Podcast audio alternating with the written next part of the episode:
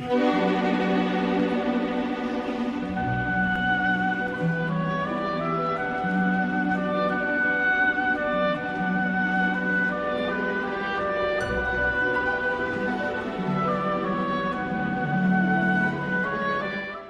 Sint Petersburg Balletteater voer gedurende Julie een van die mees ikoniese ballette uit die klassieke repertorium Swanemeer in Suid-Afrika op. Alhoewel hierdie geselskap relatief jonk is in terme van die kunsvorm in Rusland, het hulle reeds talle hoogtepunte sedert hulle ontstaan in 1994 gehad. Konstantin Tashkin is reeds die afgelope 25 jaar aan die stuur van sake. Hulle het reeds toere na verskeie Europese lande soos Duitsland, Frankryk en Nederland onderneem, asook in talle ander wêrelddele soos China. Alhoewel die St. Petersburg Balletteater bekend is vir hulle aanbieding van Swanemeer, voer hulle gereeld ander klassieke ballette ook op, soos Giselle, Die Neutekraker, Aspoestertjie en Die Slapende Skone. Ek het onlangs met een van Suid-Afrika se mees suksesvolle manlike dansers ooit, Eduard Greiling oor die werk gesels. Ek wil by hom weet wie het hierdie werk gekoreografeer waarvan die eerste weergawe reeds in 1877 opgevoer is. Die Tsjechiese koreograaf Julius Reisinger wat werksaam was by die Bolshoi Theater in Moskou, het die eerste Swanemeer gekoreografeer. Volgens die kritikusse was dit nie baie suksesvol nie, maar populêr genoeg onder die algemene publiek om in die selfgeselskap se repertoire vir 7 jaar te oorleef. In hierdie tydperk is dit 30 keer opgevoer. In 1895 is die ballet Swanemeer effe verander en selfs Tchaikovsky het sy musiek ook aangepas. Kom ons hoor wat sê Eduard oor wie toe die koreografie gedoen het.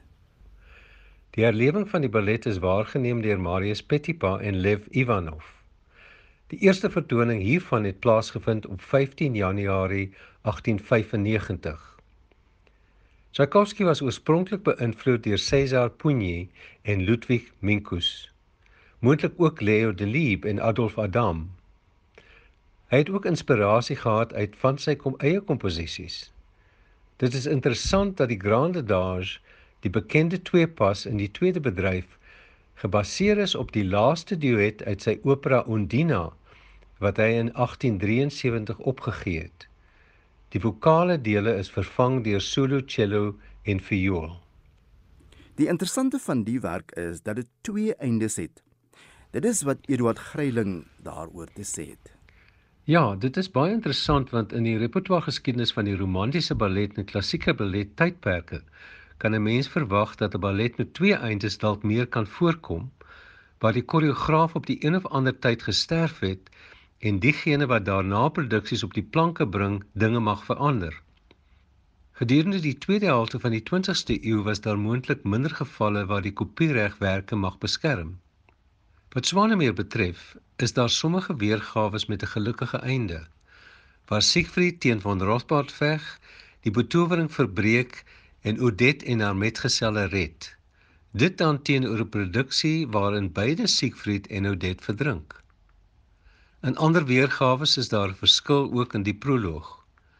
Hierin verras Rothbard vir Odette en haar metgeselle wanneer hulle blomme by die meer bymekaar maak en hulle dan in swane verander.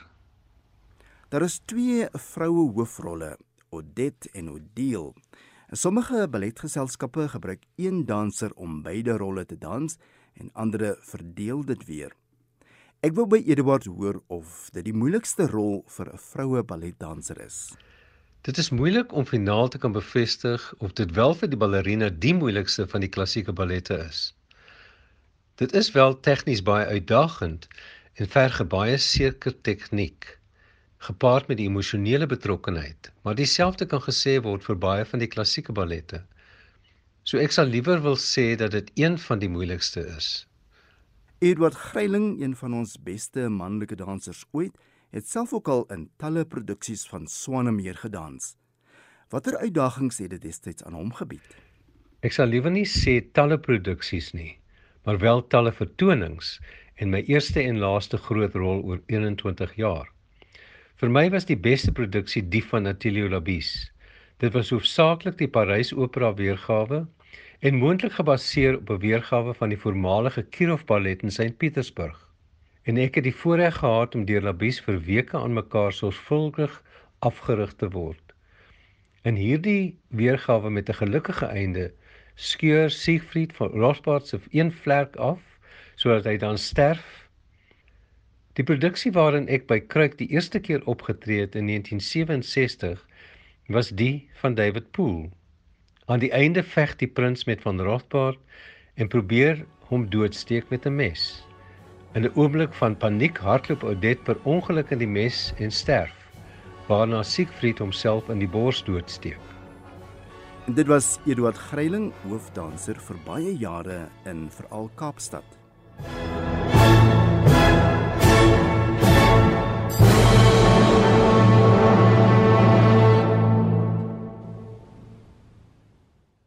Vervolgens praat ek met Daniel Keet, een van ons jong dirigente wat deesdae baie oorsee optree. En ons gesels nou oor Tchaikovsky se balletsuite vir Swanemeer.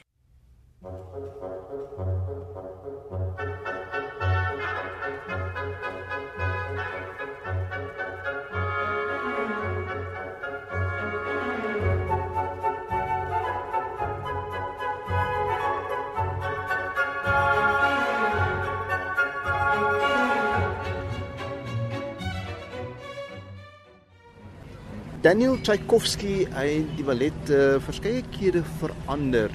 Hoekom het dit gebeur? Dit was natuurlik 'n ander vorm as wat ons hom vandag ken. Dit was ook uh, vreeslik lank. Die as jy die ballet alles saam sit dan op jou en dan kom jy by die meestersinger van Nuremberg uit se musiek. So dis meeste van die tyd sny hulle musiek en daar's 'n herrangskikking. Die weergawe wat ons vandag meestal ken is van 1895 wat in, in St Petersburg toe ontstaan is wat hulle van die stukke rondgeskryf het. Dis waar die bekende tweede akt deur uh, Ivanov ook op die verhoog gesit is en gekoreografeer is. Wat hulle soms meestal ook doen as hulle die hele ballet in 'n een, bedryf ballet kompakteer dan is dan kon die meeste van die dele uit daai tweede bedryf uit wat dan nou eintlik op die ou en so mooi kronologies op mekaar volg. Ja, dit was eintlik 'n vier bedryf ballet gewees en uh, mense sou in so interessant gewees het om te sien wat het Tchaikovsky gemaak of hy die volledige suite dan ook so behou het. Maar ek wil net gou weet die inleiding, die musiek wat daar gebruik word, eh, dit dui reeds op 'n werk wat baie diep en ryk is. Dit is baie dramatiese inleiding. Dit is so. Kyk die die balletmusiek voor Tchaikovsky was meestal daar om die dansers te begelei en Tchaikovsky het dit reg gekry om hierdie dramatiese uiteindelik die orkes een van die hoofstorievertellers gemaak. So ons het nie nou net die twee uh hoofkarakters nie of meer in ander ballette ook. Maar ons het nou die orkes wat eintlik self 'n karakter word en daai bekende tema van van die Swan Lake wat wat so sensitief amper op die hobo voorge, voorgestel word. Daai eintlik temaatjie kom heel aan die begin van die ballet amper as 'n omkering voor wat die wat die tema agteruit gespeel word in dit dadelik in mense agterkop besef jy dan hierso hierso is ons op 'n dilemma. En dit ontwikkel dan in elke bedryf natuurlik meer en meer die laaste bedryf se oorspronklike musiek is nogal kort is omtrent 15 minute of so. So meeste koreograwe en en dirigente en balletgeselskappe besluit om daar ander danse weer eens rond te skuif en daarin te sit dat daar byvoorbeeld die uh, daar's bekende pas de deux wat hulle baie keer dan aan die einde insit wat nie oorspronklik daar was nie. Dis dan nou alles nou maar net om hierdie drama verder op te bou.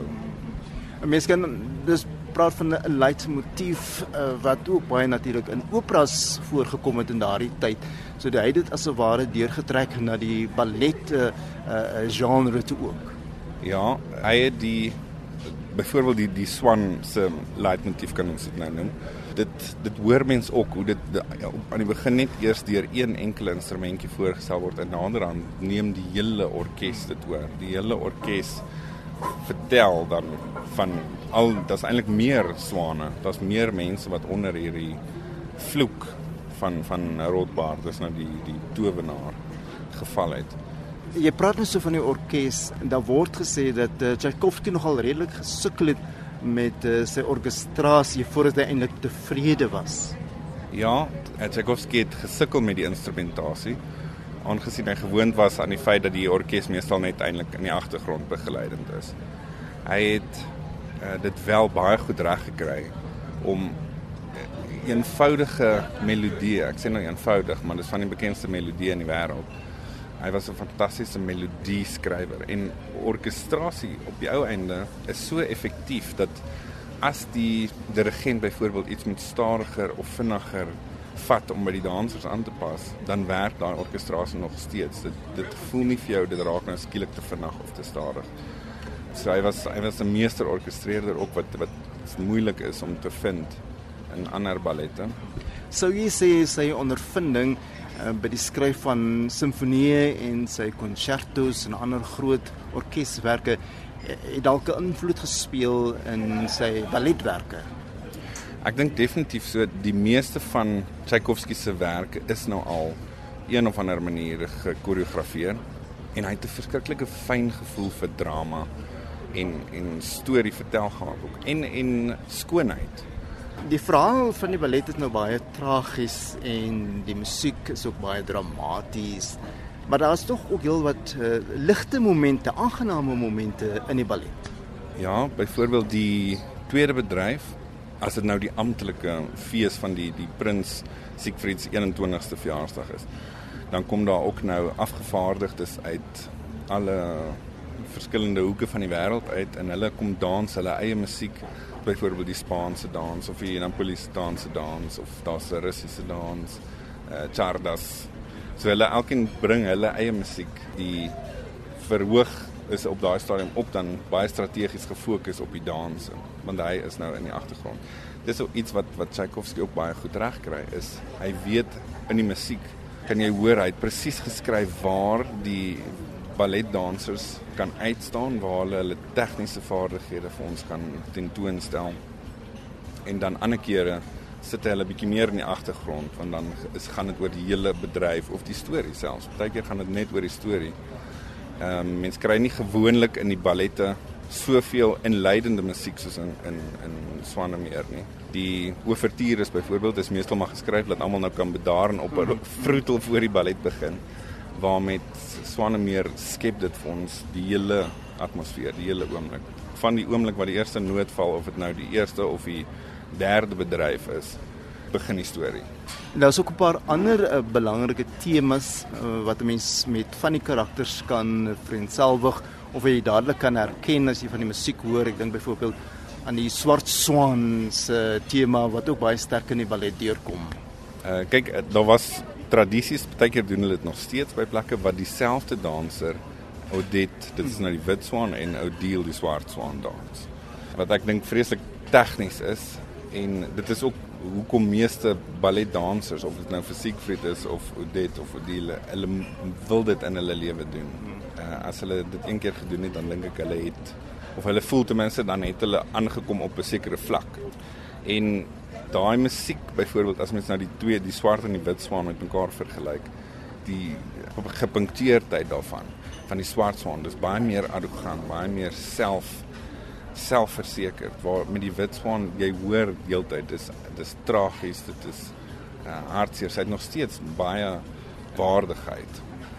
Daar's ook 'n paar twee passe en dis interessant hoe 'n komponis dan nou met so iets te werk gegaan want in een stadium is die een danser wat op die voorgrond is, die hoof fokus is en dan 'n volgende oomblik is dit weer die die sê nou maar die manlike danser wat dan weer uh, sy geleentheid moet kry.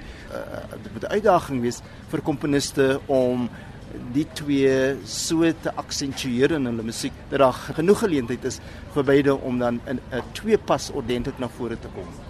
Ja, dit is ook so. Tchaikovsky het dit goed reg gekry om die ander karakter wat byvoorbeeld nou nie in die kollig staan op daardie oomblik nie dat hy nog steeds deel is van die van die storie. In baie van die vroeër ballette was dit eintlik dan nou sê net maar die die die prins of wie ook al die man sê hy sou net daai stadium die uh, hoofballerina vasgehou het of haar opgelig het. Wat Tchaikovsky maak hom nog steeds deel van die van die narratief van die storie wat op op daai stadium aangaan. Tchaikovsky se uh, ballet, baie sien dit as 'n uh, hoogtepunt in die laat romantiese era. Sou jy saamstem?